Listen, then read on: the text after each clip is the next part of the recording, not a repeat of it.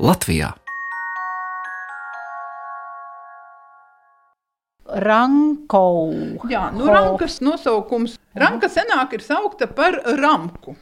Jo tā tālivaldim valdot ir bijis dēls Rameķis, tad ir arī radusies šī ranka.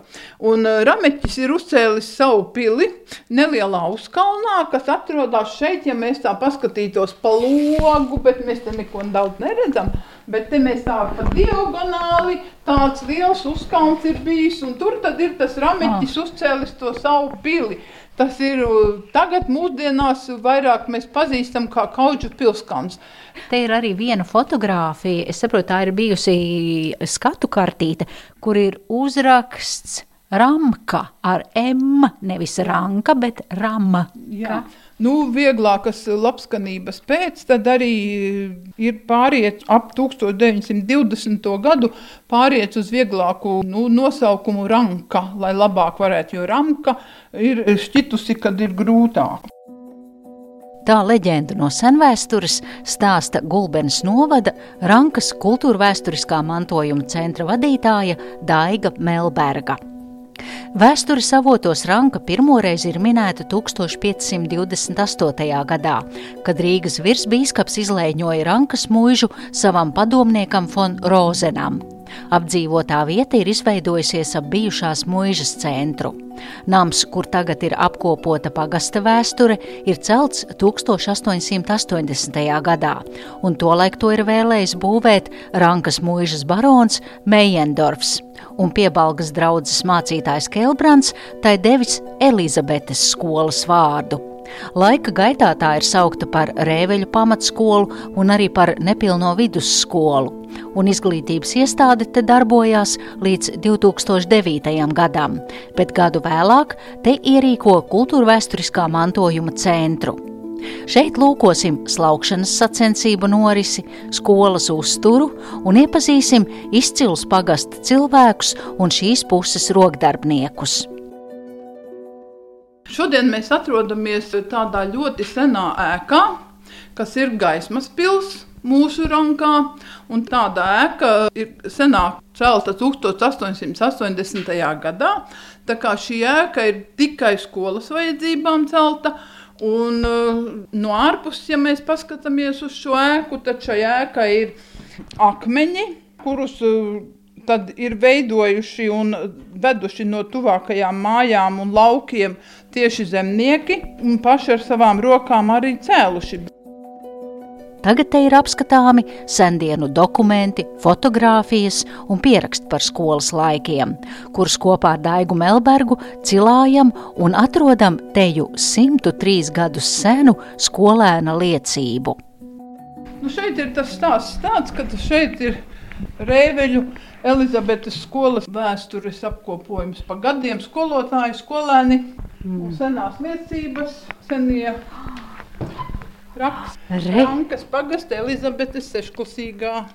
Pamatskolas liecība. Jā. Es ieraudzīju tik vēsturisku dokumentu Krievu un latviešu valodā svīģeķeļstvo liecība Kārl Stapāna. Stapān, un šī liecība ir izdota 1903. gadā. Uzvešanās pieci uzcītība pieci, sekmes pieci. Un ko viņš tolaik ir mācījies? Kaķisms, bībeles raksti, krievu valoda, latviešu valodā lasīšana, valodas mācība, pareizraksti, tad sacerējumi, pie tāfeles un no galvas geogrāfija, vēsture, dziedāšana, un, un viņš ir mācījies trešajā ziemā. Trīs ziemas te ir rakstīts par trīs ziemas, 1903. un 1904. gads. Un te ir arī padomu laikā. Un mana skola, reko te rakstīja kādreiz. Mana jaunā skola ir ļoti omulīga. Mana skola mūžam dārga izdevuma pilna. Mūsu otrās mājas. Tie ir pagājušā gadsimta kādi 80, 90. 80, tā 80. gadu beigas populārākās dejas skolā, tautas dejas, populārākā izstāde skolā, mazpulka izstāde. Tie jau ir vai nu 90. 90 vai šīs 90, 90. biežākais ciemiņš skolā - policists Zelčs. Kāpēc viņš ciemojās? Tāpēc, ka viņš veica veica nu, tādu informatīvo darbu. Viņš vienmēr informēja par katru novitāti, un tad, kad jau bija policijas dienas, tad viņš organizēja un vienmēr piedāvāja dažādas iespējas, lai bērniem būtu katru gadu kaut kas arī interesants. Un, protams, kādreiz arī kāds bija kaut kur, kaut kas bija pagasta teritorijā, tad atbrauca pie kaimiņu bērniem vai kā citādi, nu, lai noskaidrotu, vai redzējuši, vai ir bijuši kaut kādās saziņās ziņā, un kādreiz arī kāds varbūt ir skolnieks vecāko klašu bijis kaut kur arī līdzdalībnieks kaut kādā, nu, pārgājienā, pieņemsim. Nesankcionētā. Jā. Starp liecībām, dienas grāmatām un burtnicām Daiga Melberga izceļ gaismā arī tādu dokumentu, kas liecina par to, kādi produkti pirms simts gadiem tika sarūpēti skolas kopgaldam. Skolas kopgaldā bija katrai ģimenei Jānis kaut kas skolēnam pārtikai. Nu, tad šeit varam paskatīties, kad cūgaļa 9 kg, saknes 26, kartupeļi 50 kg. Te ir jāpaskaidro, es skatos uz lapu, kur ir ar tinti rakstīts, un tie pagājušā gadsimta, kur ir 20, 30, 20. 20. gadi. Un šeit ir Rēveļu septiņgadu skolas kopgalda produktu normas visam mācības gadam. Kafija. Ziniet, kas ir interesanti? Tur, kur ir kafija, tur ir ievilkta svītriņa, ka pusdienās nē, pilns kopgalds, divas paciņas. To droši vien dzēra skolotāji. Nu, no, es domāju, ka kafiju. Kad Domāju, ka diez vai, kad tā jau bija tā miežu kafija, kad eh, iespējams. Bet tikai ka, divas paciņas. Nu, uz visu gadu, bet tā kā ja sanāk, ka nu, visas paciņas kopā, tad iespējams, ka tur tā miežu kafija vai nu, zīles jau, es domāju, ka diez vai zīles jau varēja te pagalmā salasīt. Tad, nu, nu tā. Vēl interesanti, dzērveņu ogas 5 litri visam mācību gadam vajadzēja nodrošināt. Sīpoli 8 gabali. Pagaid, tas ir vienai ģimenei šāds? Jā, vienam. Mhm. A, tad uz vienu vien, bērnu. Uz vienu bērnu. Cukurs 2 kg, putraimi 3 kg, piens 25 litri, kāposti skābēti 6 kg, kartupeļu milti 1 kg, 8 gabali olas. Sēnes divi kilogrami atvietot ar gaļu var. Bet tur ir bijusi saimniece skolā, kur no šiem produktiem ir gatavojusi maltītes. Jā, nu, reti jau, kad šādi dokumenti, tāda informācija parādās. Un vēl ir interesanti, ka jānodod ir viena slota, viena grīdas mazgājumā lupata un viena trauku mazgājumā lupata. Un, turpinot ekskursiju par Ankas kultūra vēsturiskā mantojuma centru, iepazīstam kādu ievērojamu novadnieku, tautas skolotāju un diriģentu Jāni Pirro. Jānis Pirro tautas skolotājs, bijis skolu inspektors, bet eh, ar Ranku viņam ir eh, tāda cieša saikne, kad viņa tēvs ir eh, izvēlējies pirkt zemi no mužas, muškunga. Un viņam ir šī naudiņa bijusi, un viņš ir aicinājis eh, savu dēlu Jāni, lai viņš atgriežas rankā un nāk saimniekot. Nu, bet Jānis Pirro ir arī saistīts ar to, ka viņš ir ancēniešus aizvedus uz otrajiem vispārējiem dziesmu svētkiem, zirgu paļūgos. Ja mēs varam lasīt 1880. gadā. Jā. Vēl Jānis Pirro ir eh, bijis eh, ļoti tūs sakarā to, ka viņš ir pratis tūkot un eh, pārzinājis valodas. Tad viņš ir palīdzējis sastādīt zemniekiem zemes kontraktus pie muškunga. Un uh, Mūžkungs viņam par to ir iedevis gurķu sēklas. Viņš ir sācis pirmais rankā audzēt gurķus un stādīt uh, plūmes. Kā rakstīts 1987. gada Cēzu un Gulbens reģionālajos laikrakstos, tad Jānis Pirro bērnību pavadījis Rankas mangūžu mājās un tur kopā ar brālēnu ir izgatavojis klavieres un apguvis to spēli. Un kā jau Daiga Melberga minēja, tad par māju pirkšanas līgumu tulkošanu no Rankas muižas barona von Mejendorfa kā atlīdzību ir saņēmis podzarus ar vērtīgām ābeļu un bumbieru šķirnēm, un Jānis Pirro savā dārzā ir sapotējis kādas simts ābeles, bumbieres, plūmes un ķiršus. Un savulaik pirmais mangūžos ir sējis gurķus, un kā ir rakstīts laikrakstā, tas ir ļoti ieinteresējis apkārtējos zemniekus, un kaimiņi nākuši skatīties, kādi gan šie gurķi pilnestīgi izauguši. Nākamais stāsts ir par Rankas mājturības skolu, ko dibināja 1923. gadā, un ierosmi tās pirmsākumiem tolaik deva agronoms, Latvijas jaunsaimnieku partijas dibinātājs, toreizējais saimas deputāts, zemkopības ministrs Ernests Bauers. Runājot par rankas tādiem senākiem laikiem, man ir jāpiemina, ka tas ir Ernests Bauers, jo Ernestam Baueram piemīt īpašs, varbūt mūsu slavinājums, jo Ernests Bauers ir tas, kurš ir karantēnietis. Un, protams, tajā laikā eh, jau izmācījies agronoms, lauksaimnieks, ir piedalījies Latvijas dibināšanā. Nu, šeit eh, ir redzams arī tieši atkal tā mācību klase, un kāpēc es tieši šo te rādu, tāpēc, ka Ernestam Baueram ir milzīgi visaptveroša loma Rankas maiturības skolas dibināšanā dzimtajā vietā un arī Latvijā. Viņš ņēmis e, dzīvu dalību sabiedriskajā dzīvē un apbraukājis visu Latviju kā lektors. Te arī jūs esat izrakstījuši, un te ekspozīcijā var arī palasīt eh, viņa uzskatus un Ernesta Bauera teikto, ka Ernests Bauers uzskatīja, ka zemi jāpiešķir tikai tādiem mūsu arājiem, kas mīl savu zemi, zemes darbu, kas var garantēt, ka nepametīs zemi novārtā, bet pieliks visas pūles, lai ierīkotu tur kārtīgu un ienesīgu saimniecību. Un um, Ernesta Bauera ideāls bija Latvija kā mazsaimniecību zeme. Un viņš ir ierosinājis, ka jaunsaimniecībā ģimenei vajadzētu būt 22 hektāru zemes, un lauksaimniecībā nederīgu zemi un ūdeņus varētu piešķirt virs normas. Viņam arī tajā laikā ir dažu brīdi bijis, nu, tādi uzskatu nesadarība ar tiem pārējiem valdības eh, pārstāvjiem, bet viņš ir palicis stingri nelokāms un palicis pie sevis.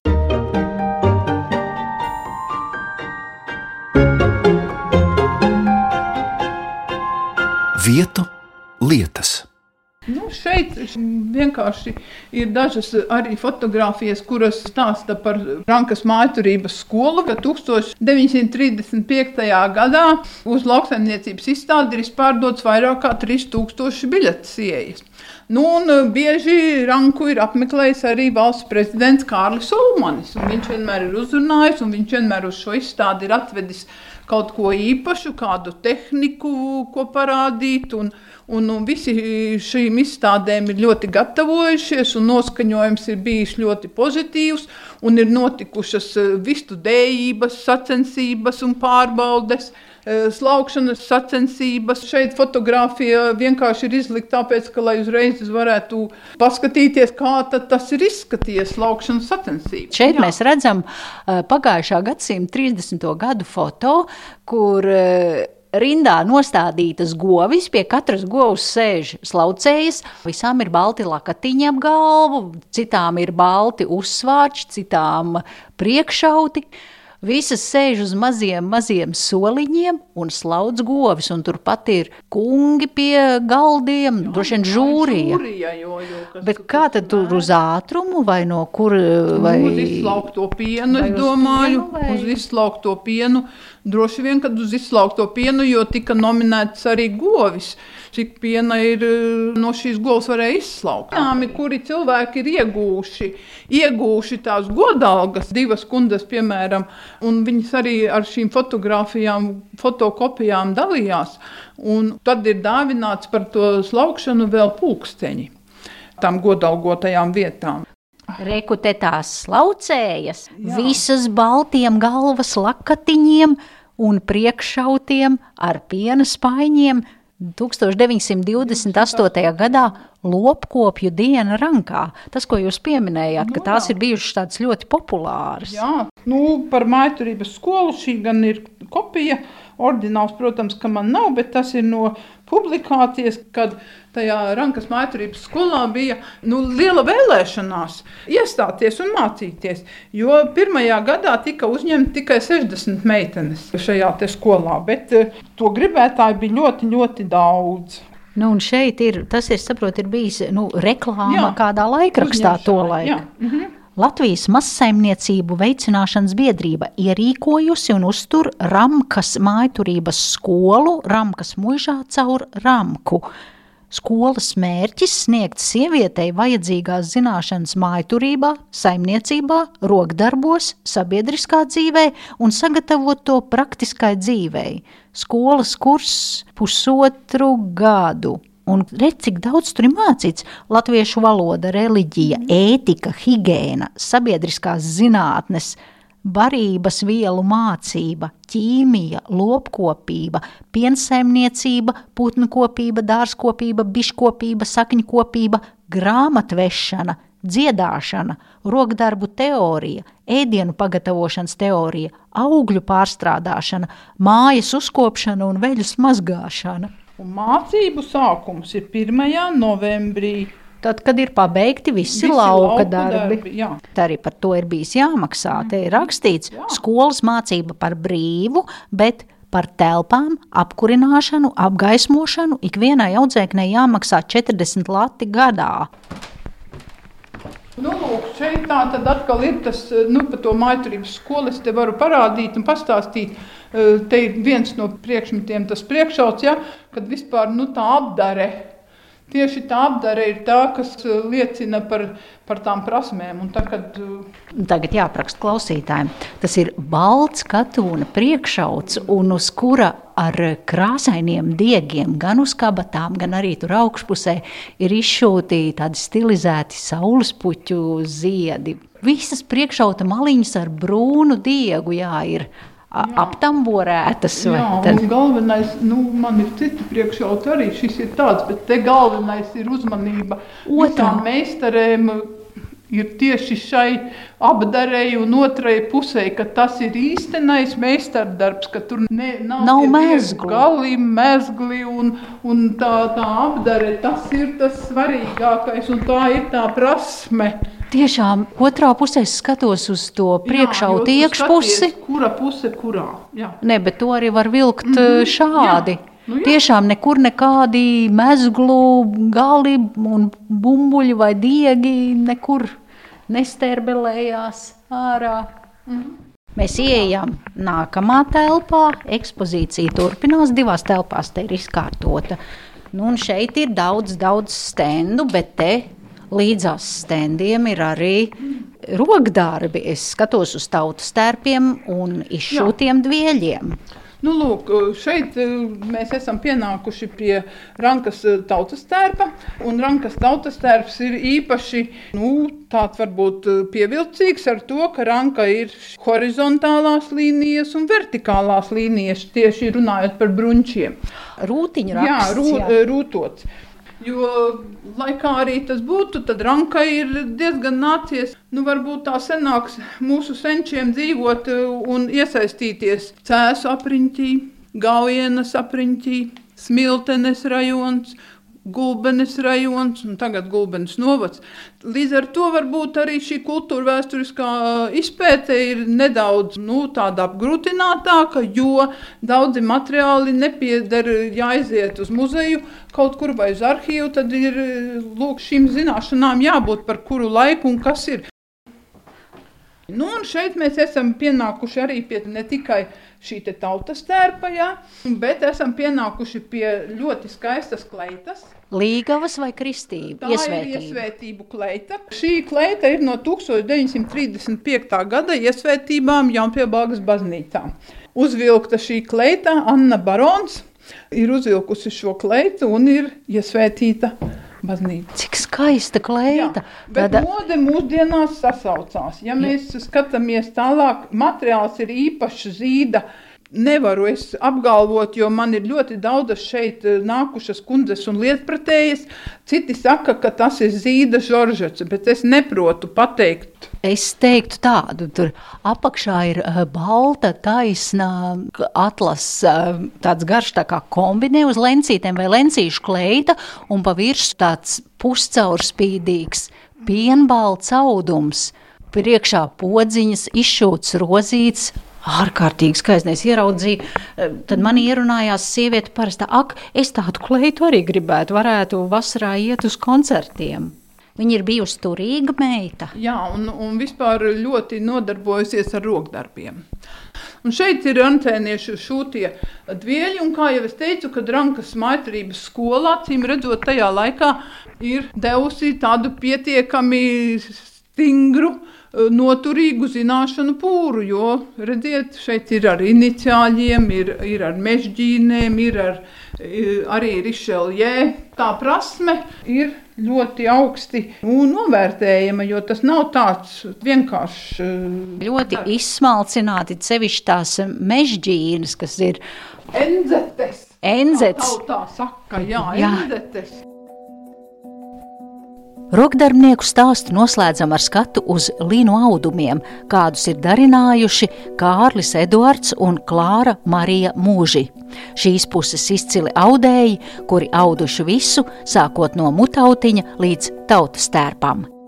Tā kā Ramka ir e, bijuši ļoti izcili audēji, Klāra Marija Muze un Kārlis Edvards Muzis pamatā jau kā meistars ar visaugstāko izglītību tajā laikā ir bijis tieši šis Kārlis Edvards Mūzis, ja, tad viņam ir bijusi tā iespēja, ka viņš visiem, kas ir pasūtījuši vai nākuši ar saviem zīmējumiem vai ar saviem rakstiem, ko viņi kādu segu grib, vai kādu dvieli, vai kādu apģērba gabalu tautas tērpus, tad viņi ir lūkauduši, un tas ir arī viņu austais. Šajā gadījumā šeit ir tā kā Nu, tie ornamenti ir tās latviskās zīmes. Nu, tie ir kā zināmā mērā ugunskrustus. Tur šeit mēs vienkārši varam paskatīties. Un viņi jebkuru musturi ir pratuši ieaust, izveidot, un cilvēki ir uzticējušies un vēl šodien atcerās no paudzes paudzē. Tāpēc arī šeit ir šīs segas, šie galdauti, kas apliecina par to, ka cilvēki ir bijuši ļoti prasmīgi. Turpinot ieskatu rankas puses vēsturē un tradīcijās, esam nonākuši pie fotografijām, kurās ir redzams zēns pie izrotātiem vārtiem. Tāda ieraža te ir bijusi ne tikai pa lieliem godiem, bet arī uz dzimšanas dienām. Ir arī bērnu dzimšanas dienās. Šeit var redzēt ļoti labi, ja kad raksturīgais goda vārtu greznojums, ja šim puisim ir dzimšanas diena, tas eh, goda vārti redziet, kā uz viņa dzimšanas dienu ir izrotāti. Jā. No bērnu baļķēni apvīti ar, mē, ar mējām un izskatās vai no agras pavasaris vai vēls rudens apakšā stāv puisēns ausainē un pusmētelī, un tur ir rakstīts savu atpakaļ sauktu, Ziemels, jā, vārdus neizjaukt, un tu, tu augšpusi neredz arī kāds nu, piemiņas pantiņš. Jā, bet arī raksturīgi, ka, piemēram, arī ir fotogrāfijas, kurās apliecina, ka arī cilvēka izvadīšanai pēdējā gaitā no mājām, nu, ļoti, ļoti krāšņi izpušķoti šie vārti. Ne tikai kā šajā ir, nu, tāds priecīgs notikums, bet, bet arī bēdīgs. Nu, protams, kad pieņemts ir arī mūsdienās vēl, kad ir kaut kādi svētki, tad mēs izpušķojam taču pagalmu Dažni dažādi, nu, uz kāzām īpaši goda vārtus, bet eh, šis ir tāds raksturīgi, varbūt eh, maz zināms. Ja, kad, dzimšanas dienās. Jā, kad dzimšanas dienās un vispār nu, tādos ģimeniskajos svētkos. Ar to arī izskan raidījums par Rankas kultūrvēturiskā mantojuma centru. Paldies par ekskursiju, es saku tā vadītājai Daigai Melbergai, un raidījumu veidoja Zane Lāce Baltāksne vietu lietas.